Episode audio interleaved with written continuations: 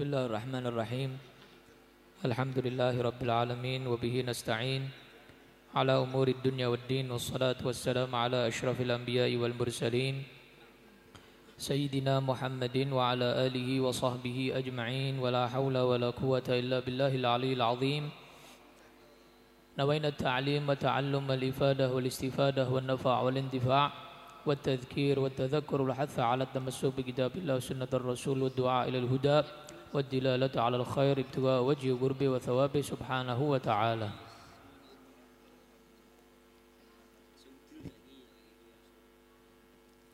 Ya Alhamdulillah Kita langsung aja Kita akan lanjut Pembahasan yang kemarin ya Yaitu termasuk daripada syaratnya makmum adalah al-mutaba'ah Mengikuti imam ya. Kemarin sudah dibahas bagaimana afdolnya di dalam mengikuti takbiratul ihram jangan sampai berbarengan bersamaan karena itu bisa membatalkan sholat. Sekarang kita membahas tentang isi sholat, bagaimana makmum mengikuti imam. Nah mengikuti imam itu terbagi menjadi tiga. Jangan sampai mendahului dalam tempatnya. Dalam takbiratul ihram dan di dalam rukun-rukun sholat. Jangan sampai mendahului imam. Dalam tempat kemarin di awal kita sudah bahas, tumit imam harus di depan, tumit makmum di belakang tumit imam. Itu apa namanya minimalnya ya. Jangan sampai mendahului makmum tumitnya mendahului tumitnya imam. Itu sudah kita bahas. Kemudian kemarin kita bahas yang kedua, tidak boleh mendahului takbiratul ihramnya imam. Menyamai aja nggak boleh, apalagi mendahului. Nah ini sekarang yang nomor tiga yang mau kita bahas. Rukun-rukun sholat. Bagaimana cara mengikuti imam dalam rukun-rukun sholat? Pertama, minimal makmum mengikuti imam setelah imam bergerak. Jadi setelah imam bergerak, makmum ikut gerak. Tapi jangan sampai imam gerak, makmum juga ikut bersamaan gerak. Enggak. Tapi imam gerak dulu, setelah itu baru makmum. Afdolnya lagi, imam sudah selesai, baru makmumnya ikut. Contoh, berdiri ente. Contoh berdiri. Nah, dia berdiri. Dia gerak. Dia gerak. Ente ente ente sekarang gerak ruku ke ruku. Nah, anak ikut. Allah Akbar. Nah, ini minimal. Nah, yang paling utama afdol ente ruku sekarang. Nah, anak baru ikut. Allah Akbar. Ruku. Ini yang paling afdol. Kecuali kalau kita yakin ini saya kalau nunggu imam ruko, saya baru ruko, imamnya iktidal. Kan banyak tuh imam-imam yang ekspres ya. Nah, jadi kalau imamnya itu termasuk ekspres, biasanya di masjid kita atau musola yang kita sholat di situ, maka ikut yang tadi, yang pertama. Jadi dia gerak, nah kita ikut gerak, Allahu Akbar, gitu. Karena apa? Kalau dia rukuk duluan, kita baru Allahu Akbar, takutnya dia nanti apa? iktidal. Akhirnya kita ketinggalan satu roka, rokaat. Gitu. Nanti akhirnya kita nanti wajib nambahin satu rokaat lagi. Kalau kita yakin imamnya X, ekspres atau biasanya memang ekspres gitu ya. Ini yang pertama yang perlu diketahui. Kemudian kita juga perlu tahu makmum itu ada dua jenisnya. Yang pertama makmum muafik. Apa namanya? muafik. Muafik itu yang nanti akan saya jelaskan definisinya. Yang kedua masbuk. Ada masbuk, ada mua, muafik. Makmum masbuk adalah makmum yang tidak mendapati masa yang cukup membaca Fatihah bersama imam. Contoh. Inti berdiri. Dia sudah baca iftitah, baca ta'awud, ya, baca Fatihah. Anak baru datang. Anak baru datang. Telat anak. Anak tahu ini anak kalau takbiratul ihram, saya kalau mulai sholat, saya tidak mungkin nyandak baca iftitah, ta'awud, fatihah selesai nggak mungkin. Dia akan ruku. Nggak cukup. Jadi waktu berdirinya imam ini karena saya terlambat ya, nggak cukup. Saya ketika berzikir Allahu Akbar, maka saya baca semampunya surat Al-Fatihah, misalnya sampai iya karena abu dua iya karena nasta'in. Ikut Allahu Akbar. Walaupun Fatihahnya belum selesai. Kenapa? Saya masbuk. Fatihah saya ditanggung sama imam. Karena saya apa? Mas, masbuk. Karena telat. Tadi siapa tadi masbuk? Makmum yang tidak mendapati masa yang cukup membaca Fatihah saat imam berdiri. berdiri. Itu namanya makmum apa? Masbuk. Nah, kebalikannya namanya makmum apa? Muafik. Namanya makmum muafik. Muafik berarti dia ada waktu yang cukup untuk membaca Fatihah, imam masih dalam keadaan apa? Berdiri. Itu muafik. Nah, pertama kita harus tahu definisi dulu. Jadi nanti tidak perlu saya sampaikan lagi. Intinya sekarang sudah paham ya? Muafik siapa? Masbuk siapa? Baik. Lanjut.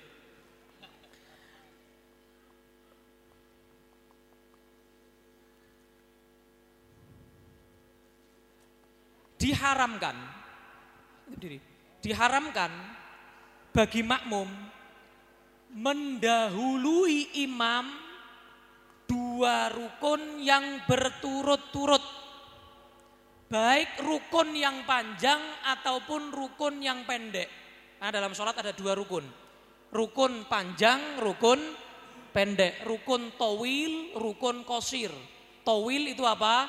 Panjang kosir itu pendek. Rukun kosir di dalam sholat cuma dua, nggak lebih. Duduk di antara dua sujud dan iktidal, titik. Apa?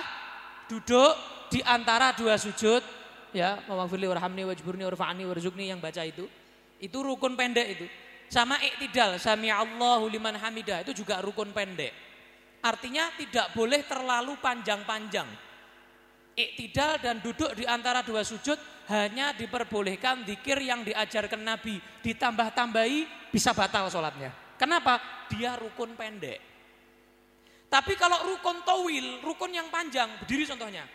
Dia baca surat dari awal Al-Quran sampai hatam, sah. Sah. Atau dia misalnya berdiri ngelamun, dim, sak jam, dua jam, sah nggak sholatnya? Sah. Kenapa? Rukun towil. Rukuk juga begitu. Rukuk diem lama sak jam dua jam sah nggak? Sah. Tapi kalau iktidal lebih dari waktu zikir yang diajarkan Nabi batal sholatnya. Atau duduk di antara dua sujud zikirnya lebih dari yang diajari Nabi bisa batal sholatnya. Kenapa? Dia rukun kosir pendek. Paham ya? Antara apa tadi? Rukun panjang dan rukun pendek. Baik, sudah paham sekarang? Pokoknya selain rukun pendek, rukun panjang. Nah,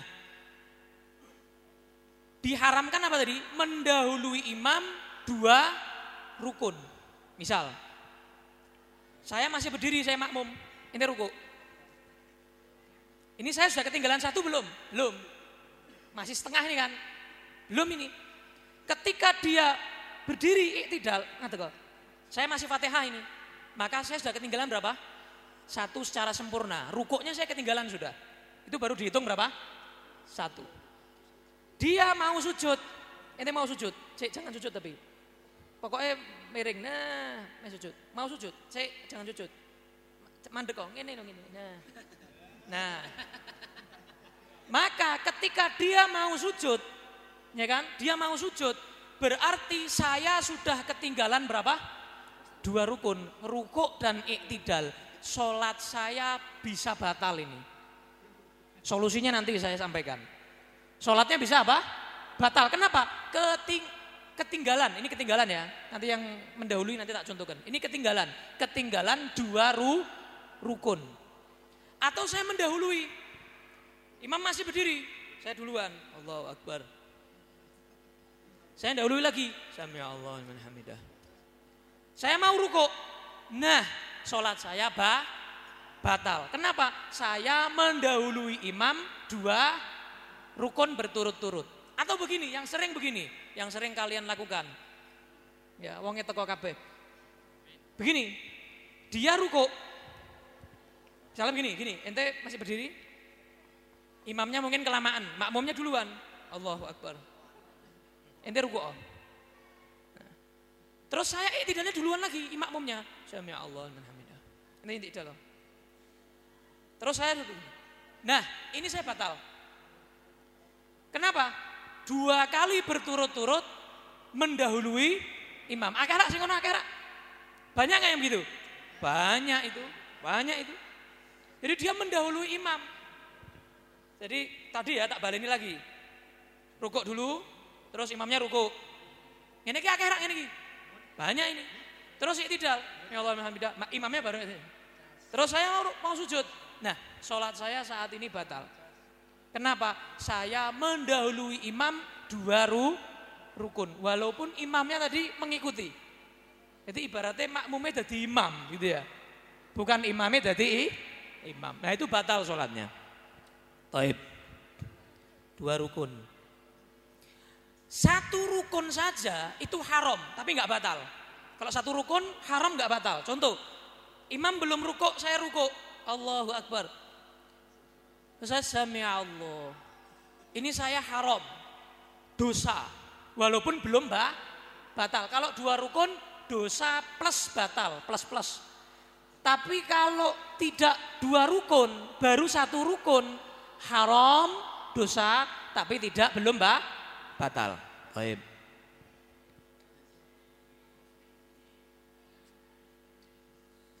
Menyamai imam di dalam takbiratul ihram batal, nggak sah.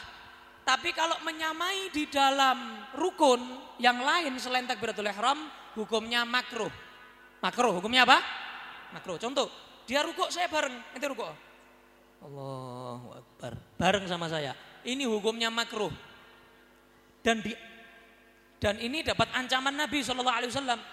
Nabi bersabda, Ama yakhshal ladzi yarfa'u ra'sahu qabla al-imam ayyuhawwilallahu ra'sahu ra'sa? Apa enggak takut orang yang mendahului imam itu nanti di hari kiamat kepalanya mukanya diganti muka keledai. Nauzubillah min dzalik. Kalau seandainya saya sudah mendahului Contoh tadi Saya begini Allahu Akbar, saya sudah ruku maka disunnahkan bagi saya kembali lagi. Kenapa? Mengikuti imam lagi. Paham? Saya ngakeh biasanya sujud. Dikira imamnya wes duduk, padahal belum duduk. Contoh coba ente. Ente sujud toh. Ya. Contoh tidak apa-apa, tidak dosa. Nah, anak sujud ya. Terus anak berdiri dulu. Allah, urung. Nah. Sujud lagi. Nah itu banyak itu. Akeh ketok, aku ketok. Akeh. Banyak kan yang begitu kan?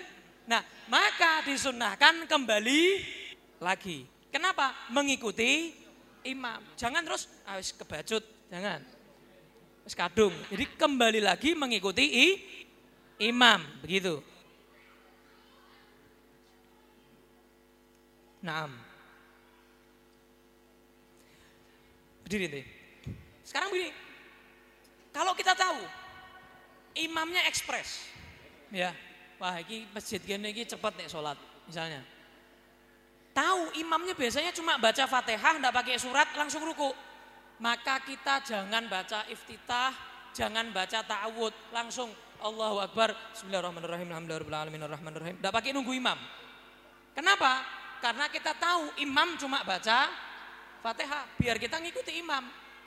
Lah kalau kalian tahu imamnya cepat ekspres, baca dulu, maka ada pembahasannya. Contoh, imamnya mulai, imamnya sudah mulai. Saya datang, saya tahu bakalnya saya telat ini. Saya saya begini, Allahu Akbar. Saya mulai lagi. Kabira walhamdulillahi kathira subhanallah bukratan wa asila. Dia ruku. Ruku. Ini belum fatihah ini. Baru iftitah. Saya baru iftitah, imamnya ruku. Bagaimana ini? Maka tanggung jawab. Apa? Tanggung jawab. Nah, bagaimana bentuk tanggung jawabnya? Dilihat. Kalau saya masbuk, saya masbuk, maka saya harus membaca. Jadi saya, harus mengikuti langsung. Dan saya tanggung jawab membaca seukuran sunnah yang saya baca. Contoh, tadi saya baca apa? Kabiro walhamdulillahi kathiro. Berapa huruf, berapa kalimat kira-kira? Saya baca ayat Quran seukuran saya baca iftitah tadi. Bismillahirrahmanirrahim, alhamdulillahirrahmanirrahim, ar-rahmanirrahim. Cukup kan? Menggantikan tadi. Nah, ketika dia sudah rukuk, maka saya tadi Bismillahirrahmanirrahim, alhamdulillahirrahmanirrahim, ar-rahmanirrahim, Allahu Akbar. Nah, maka sholat saya enggak sah. Eh, maka sholat saya sah. Maka sholat saya apa? Sah. Kenapa? Saya bertanggung jawab dan pertanggungjawaban saya itu belum ketinggalan imam. Beda kalau begini. Ketika saya bertanggung jawab terlalu banyak saya bacanya misalnya. Kabira alhamdulillah katsira subhanallah puratan wa usila ini wajah tu wajhil fatras banyak saya baca. Terus imamnya ruko. Saya aduh, tinggalan nih belum Fatihah. Saya baca Fatihah. Bismillahirrahmanirrahim. Alhamdulillahirabbil arrahmanirrahim. Imamnya tidak. Maka di sini saya ketinggalan satu rokaat. Kenapa? Imamnya i tidak. Saya sedangkan saya belum mengikuti ruku. Saya ketinggalan berapa? Satu rokaat. Dan saya dikasih uzur. Untuk apa? Baca Fatihah, selesaikan Fatihah, sampai imamnya jangan sampai ketinggalan tiga rukun. Contoh, inti inti sekarang sujud. Saya masih Fatihah.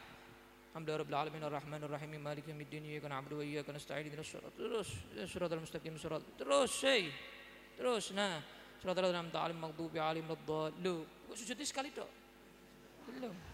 Sujudnya ping loro. Waladdallin amin. Allahu akbar. Sami Allah hamidah ente berdiri. Nah ketika saya masih nyanda mengikuti imam sebelum imam tiga rukun berarti sujud ini. Tiga rukun yang panjang. Iki rada bingung gitu ya. Bingung, bingung. Waduh. Bingung ini repot. Bingung. Tak baleni. Bingung. Guru Padra ya bingung. Agak bingung. Oh ya. Padha wae. Ya. Saya terlambat tadi kan. Halo. Halo, halo. Saya terlambat. Saya datang saya harusnya kalau terlambat jangan panjang-panjang sunnahnya, telat kok. Pak iftitah, ta'awud, tinggalkan. Kenapa? Supaya saya mendapati i, imam. Nah kok saya baca iftitah. Kabira alhamdulillah kathira. Imamnya ruku. Ya, loh bagaimana ini saya ini? Ikut ruku enggak? Oh enggak bisa. Ente langsung ruku batal. Kenapa? Ente belum baca fatihah kok. Ente bacanya iftitah padahal iftitah itu sunnah bukan wajib, bukan rukun. Ente belum melakukan rukun, maka ente tanggung jawab rukun. Maka ente tanggung jawab. Tanggung jawab membaca ayat Al-Fatihah seukuran kamu baca sunnah tadi. Sunnahnya berapa kalimat? Kabira walhamdulillahi kathira subhanallah bukrata wa asila. Katakan enam kalimat, maka saya wajib membaca surat Al-Fatihah seukuran enam kalimat sesuai iftitah yang saya baca tadi. Ketika saya berhasil bertanggung jawab, imam masih ruko, saya langsung ruko. Allahu Akbar. Walaupun fatihah saya nggak selesai. Fatihah masa enam kalimat, lebih kan? Lebih. Saya walaupun belum selesai fatihahnya langsung ikut. Kalau saya masbuk, kalau muafik nggak bisa, harus menyelesaikan fatihah. Nah, ini saya masbuk contohnya, saya langsung ikut. Nah, berarti saya ketinggalan satu rakaat enggak? Enggak. Enggak. Kalau saya muafik, nah, maka saya harus menyelesaikan Fatihah. Sampai kapan? Sampai dikasih udur tiga rukun yang panjang. Tiga rukun yang panjang apa saja? Ruku. Tidak dihitung enggak? Enggak. Sujud. Berapa sujud? Du, dua. Duduk. Duduk dihitung enggak? Enggak. Sujud lagi. Nah, ini yang ketiga. Ketika imam berdiri dari sujud yang kedua, diri. Maka ini baru saya ketinggalan tiga rukun yang panjang. Sholat saya batal kalau belum selesai fatihah. Tapi kalau imam masih sujud, ini sujud. Saya tadi muafik. Saya tadi muafik yang membaca sunnah tadi. Saya baca fatihah. Sampai selesai, terus saya ruku. Allahu Akbar. Sami Allah hamidah. Saya sujud, terus saya duduk, saya sujud, berarti saya sekarang apa? Ngikuti imam berhasil berarti ini. Saya berhasil, berarti saya nggak ketinggalan satu rakaat karena berhasil ngikuti imam. Tapi kalau imamnya sudah berdiri dari sujud kedua, berdiri ya. Berdiri. Saya belum selesai baca Fatihah, maka berarti saya langsung ikut imam rokaat yang kedua. Nanti setelah salam saya nambah satu rokaat. Kenapa? Tanggung jawabnya belum selesai. Paham? Mudeng. Masih ada beberapa udur yang lain yang insya Allah kita akan bahas. Ada sepuluh. Ini baru jiwi. Kurang songo. Ya. Fikih itu memang jelimet tapi sebetulnya gampang. Nek pengen ngaji tenanan serius ora ngantuk insyaallah mudeng. Ya, kurang 9 mas'ah masalah yang insya Allah nanti kita bahas. Jadi ada 10 masalah yang mana diberi uzur tiga rukun tadi. Enggak apa-apa. Tiga, tiga rukun ketinggalan tiga, jangan sampai tiga rukun ketinggalannya. Itu diberi uzur. Ada berapa masalah? 10 masalah. Makanya aja golek-golek masa masalah. Ya. Saya kira itu wallahu a'lam bisawab sallallahu alaihi wasallam Muhammad wa alihi wasallam alhamdulillahirabbil alamin